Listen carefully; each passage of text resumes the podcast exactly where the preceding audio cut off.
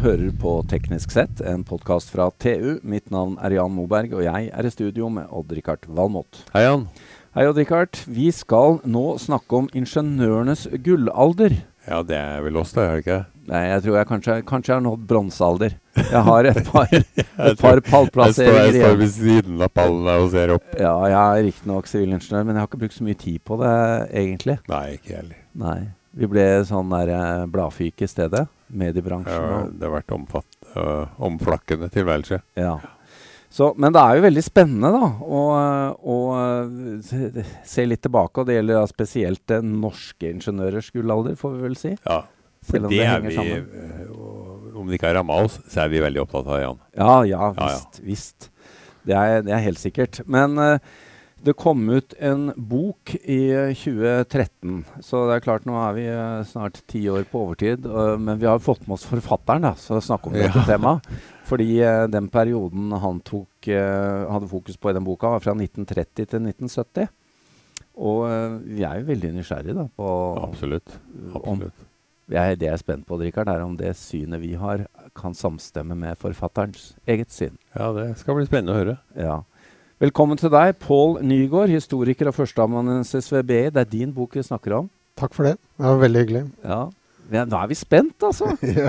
Eh, først og fremst så må vi jo spørre deg, da, hvor, hvordan kom du opp med å skrive denne boken om ingeniørenes gullalder?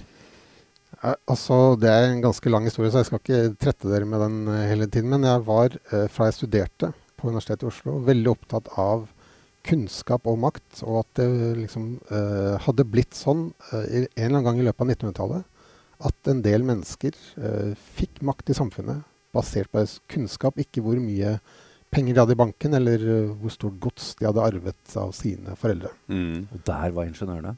det var ingeniørene. eh, og det var ikke jeg så veldig klar over før jeg begynte å eh, se på ingeniørene. Men det ble da mer og mer tydelig for meg at ingeniørene var kanskje den mektigste gruppen uh, av yrker uh, på 1900-tallet i Norge.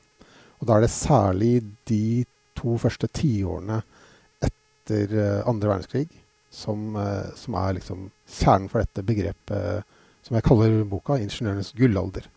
Eh, og det var veldig mange av de eh, gamle kara som jeg snakket med, som da hadde opplevd denne perioden, var veldig opptatt av det at i eh, disse årene så var det helt naturlig at den som hadde mest å si i samfunnet, det var en ingeniør. Nettopp. Vi er for unge, Jan. Det er ikke ofte jeg sier. Nei, nei, det, det kan du si. Men, eh, men Pål, vi må jo bare si det at uh, under krigen så hadde også ingeniørene en vesentlig rolle. da. Var det med på å gi de et sånn godt moment etter krigen, kanskje? Eh, Ja, absolutt. Og, og i boka så går jeg liksom inn på at det er noen forbindelseslinjer der. Eh, Det blir oppretta noen kontaktnett eh, hvor ingeniørene spilte en viktig rolle både i motstandsbevegelsen, og der traff de en del personer som etter krigen da, skulle vise seg å bli veldig viktig i regjering og andre steder hvor makt samles. Som, som også da hadde mye å si for for eh, at ingeniørene fikk så mye makt, eh, kom til posisjon. Ja, det er artig at du sier det, for jeg jobba jo i det som het SI, som i dag er Sintef i Oslo. Og det Riktig. det var jo bygd opp på, på hjemme, hjemmefronten, rett og slett. Riktig. Og eh, NTNF, som da er deler av Forskningsrådet, de overtok jo kontoret for fiendtlig eiendom. Ja. Så det er en Ja. fantastisk historie der. Ja, absolutt. Og eh, her tenker jeg altså det er to ting. Det ene er liksom Ja, dette er uh, Alt dette her springer ut av hjemmefronten. Så Ja. det er liksom helt konkret forhistorie fra krigen med det. Men det er også en lengre forhistorie der, hvor alle disse tingene, både SI, NTNF og hele den satsingen på å få liksom en forskningsbasert industrialisering eh, etter andre verdenskrig, eh, som en gruppe ingeniører begynte å snakke om allerede på 1930-tallet, og Ja. tenkte hvordan kan vi løfte forskningssaken. Og alle disse hadde også da sentrale verv i Den norske ingeniørforening. Og de fikk, ikke merkelig nok kanskje, men sentrale verv også i NTNF og, Ja. um, og uh, ja, i NIF. Eh, og ble ledere av de største industribedriftene. Ja, for det var jo sånn en tid at hvis du skulle ha en fremtid og få noe å si og få deg et, eh, en mektig posisjon, så var det ingeniør du skulle bli. Ja, Det ble sånn i denne perioden her. Ja. Uh, men sånn var det ikke nødvendigvis på 1920-tallet. Da, var, eh, da var det mange ingeniører som hadde trodd at de skulle komme til disse mektige posisjonene. Aha. Men så endte de opp med arbeidsledighet. Ja. Eh, 1920-tallet, det er ikke sikkert alle vet det, men det var en periode i norsk historie med veldig mange økonomiske kriser. Overkapasitet. Ja. Mm. Ja, og uh, man hadde liksom trodd at nå, skal, nå hadde vi startet. Ikke sant? Man hadde begynt 1900-tallet med elektrisiteten hadde kommet, og det var, liksom, det var mye ting. Mye ting som skjedde. Man begynte å bygge opp industribedrifter her i Norge. Og så trodde man at dette her bare skulle ture på. Man fikk televerk og elektrisitet. Bergensbanen! Bergensbanen. Norsk Hydro! Altså, Altså, masse, masse ting som skjedde. Ja. Og så kommer 1920-tallet med en liksom bråstopp. Bedrifter legges ned, og det fattes en politisk beslutning om at vi kan ikke bygge ut mer jernbane. Uh, og uh, rett og slett Det ble vanskelig å være ingeniør. Og så, og, uh, man prater jo da f.eks. om eh, bygningslinja på NTH. Ble Ja. kalt norske amerikalinje. Fordi Ja, alle ja. måtte reise til USA for å få seg jobb. Ja. Så, så det var litt sånn uh, pessimisme på 1920-tallet. Ja. I, I denne historien, eller denne perioden du beskriver, da, 1930 til 1970, så var det jo også veldig mange nordmenn som studerte til å bli ingeniør i Tyskland. Det var jo ikke bare NTH. Ja. Og det, hvilken innflytelse hadde det? Eh, ja, det tenker jeg jo er noe som ikke veldig mange går og er klar over. Men at Norge har vært veldig inspirert av Tyskland. Så både de organisasjonene vi har, og eh, måten vi har bygd opp økonomien og samfunnet, er veldig inspirert av Tyskland. Det var kanskje ikke så populært å tenke på det rett etter krigen. Nei, det var jo ikke det. De Lærebøkene på NTH var jo stort sett på tysk. Ja da. Måtte kunne tysk. Ja, ja, ja. Så det var jo fram til NTH ble bygd opp, så hadde vi jo tekniske skoler i, Ja. i de store byene. Eh, de var treårige. Og så var det veldig mange som da bygde på utdannelsen ved å reise til Tyskland og gå på Ja. teknisk høyskole der. Eh, og, og når NTH kom, så var, var det jo behov for flere ingeniører, ja, bortsett fra på 20-tallet, eh, enn det NTH klarte å utdanne. Så da var det jo mange som reiste til Tyskland eller Østerrike eller Sveits. Ja, Mm. og etter hvert mye Skottland, eh, England Riktig. Men eh, vi må jo spørre, da. Du lagde en slags cutoff på denne boken i 1970. Mm. Da eh, var vi jo akkurat i starten på noe annet stort her hjemme. Det stemmer. Ja, og eh, det som har blitt eh, 13 000 milliarder kroner på, i oljefondet, eh, det, det var ikke uten ingeniørhjelp, det heller. Er vi egentlig klar over hva, hvor mye ingeniøren hadde å si for at uh, dette ble noe av? Ja, jeg tror kanskje ikke For noe av dette ligger jo innenfor den boka di til, fram til 1970. Ja da, det gjør det. Nei, jeg tror ikke alle er klar over det. det når vi snakker liksom om dette norske oljeeventyret, så er det veldig mange som er glad i å snakke om liksom, de politiske beslutningene. At vi Ja. fikk til det Og Jens Evensen, ja, må vi jo nevne igjen. ja, Odd-Rikard. selvfølgelig. Alltid det. Og, og liksom de institusjonene, det er de ti oljebud ja. alle disse institusjonene som sørget for nasjonal kontroll.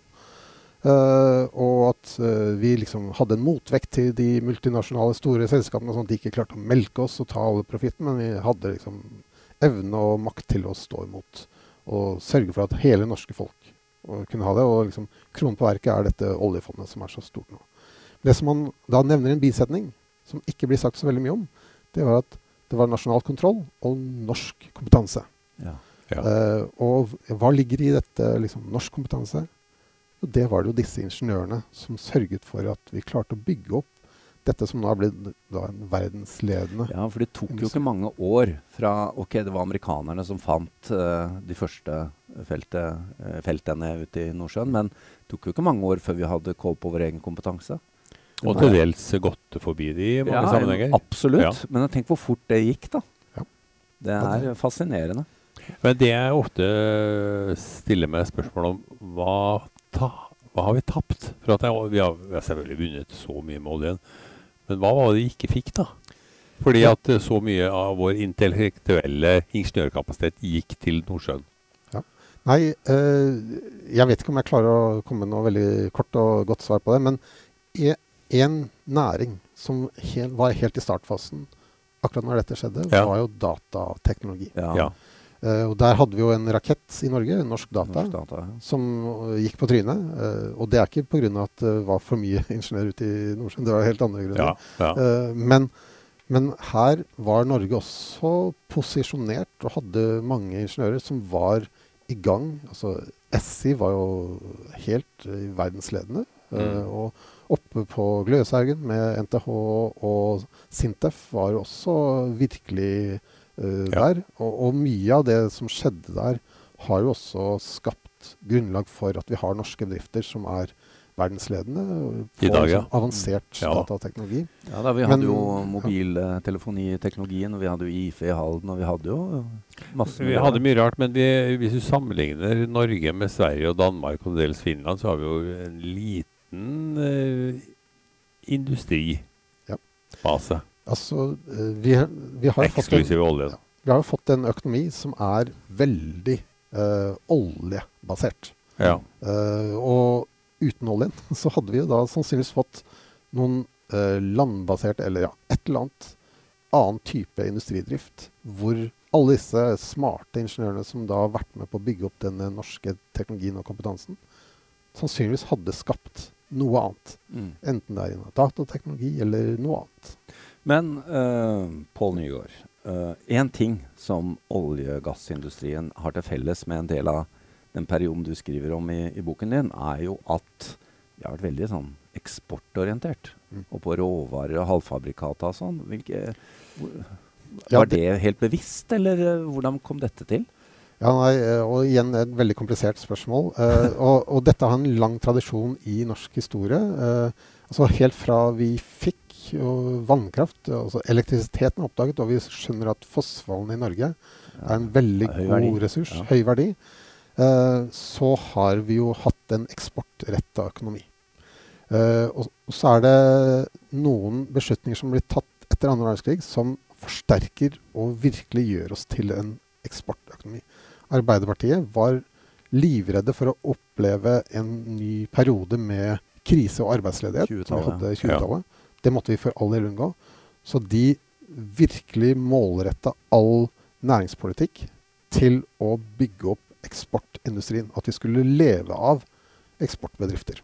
Ja.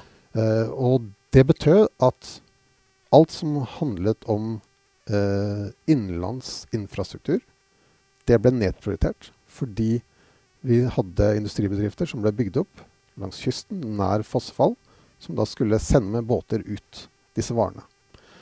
Eh, og eh, infrastruktur er jo helt nødvendig for en fungerende økonomi. Det må være en Så vi neglisjerte det, da.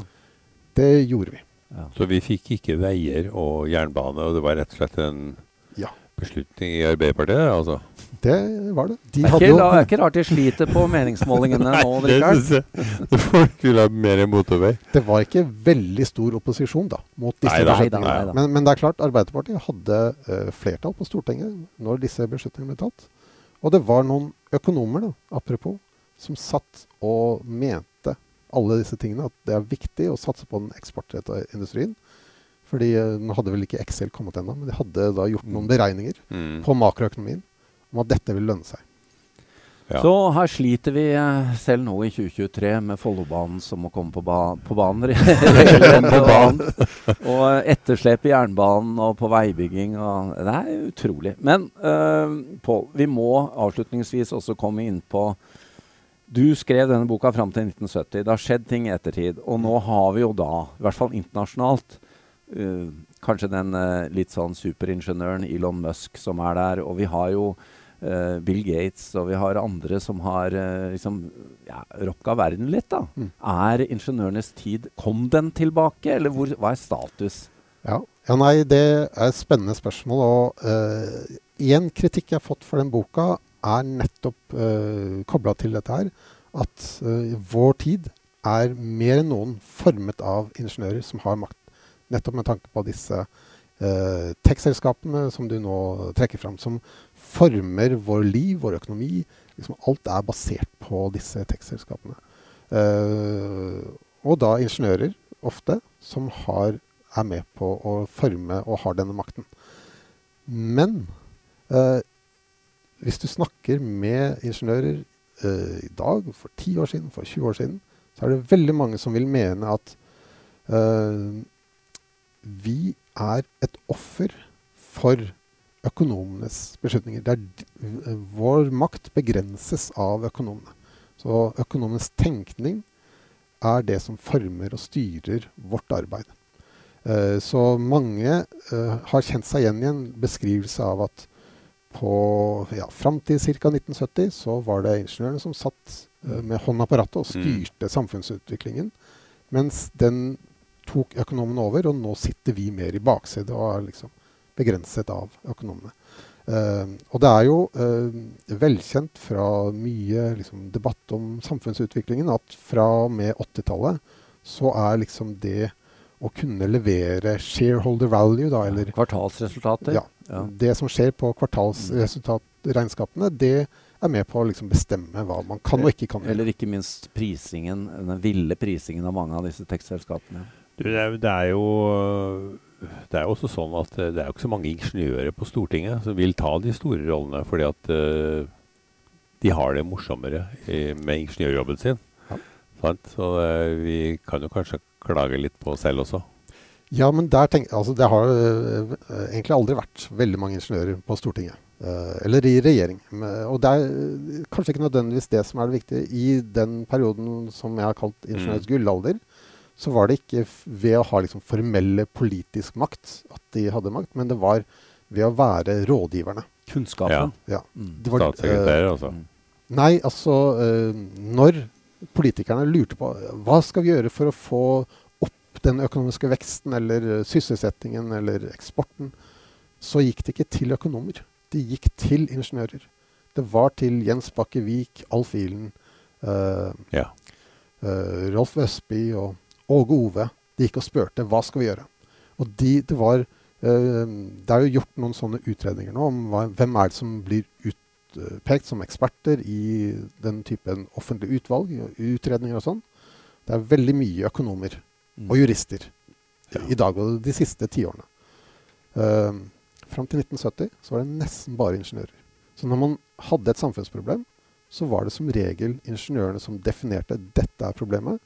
Eh, og også da presenterte løsningene. Men uh, vi kan jo ikke, uh, ikke Vi kan ikke unnlate å nevne at ingeniørene har jo også lagd en del løsninger som er litt grufulle og, og fæle. da. Gasskammer i Tyskland og våpen og diverse ting. Det var jo problemløsning, det òg. Ja, ja, det er helt riktig. Det er, det er få som er feilfrie. det kan man si. Men avslutningsvis, Pål. Um, og Richard og jeg diskuterer ofte at uh, Og vi var inne på det her, denne rikdommen vi har funnet i Nordsjøen, og kompetansen vi har bygd opp og sånn, det er jo kjempeflott. Men fortsatt så er jo mye av den teknologiske kompetansen vår bundet opp da, i noe som er en 50 år gammel uh, industri. Mm. Og som uh, i hvert fall, hvis vi skal tro på klimaforskerne, ikke har fremtiden foran seg.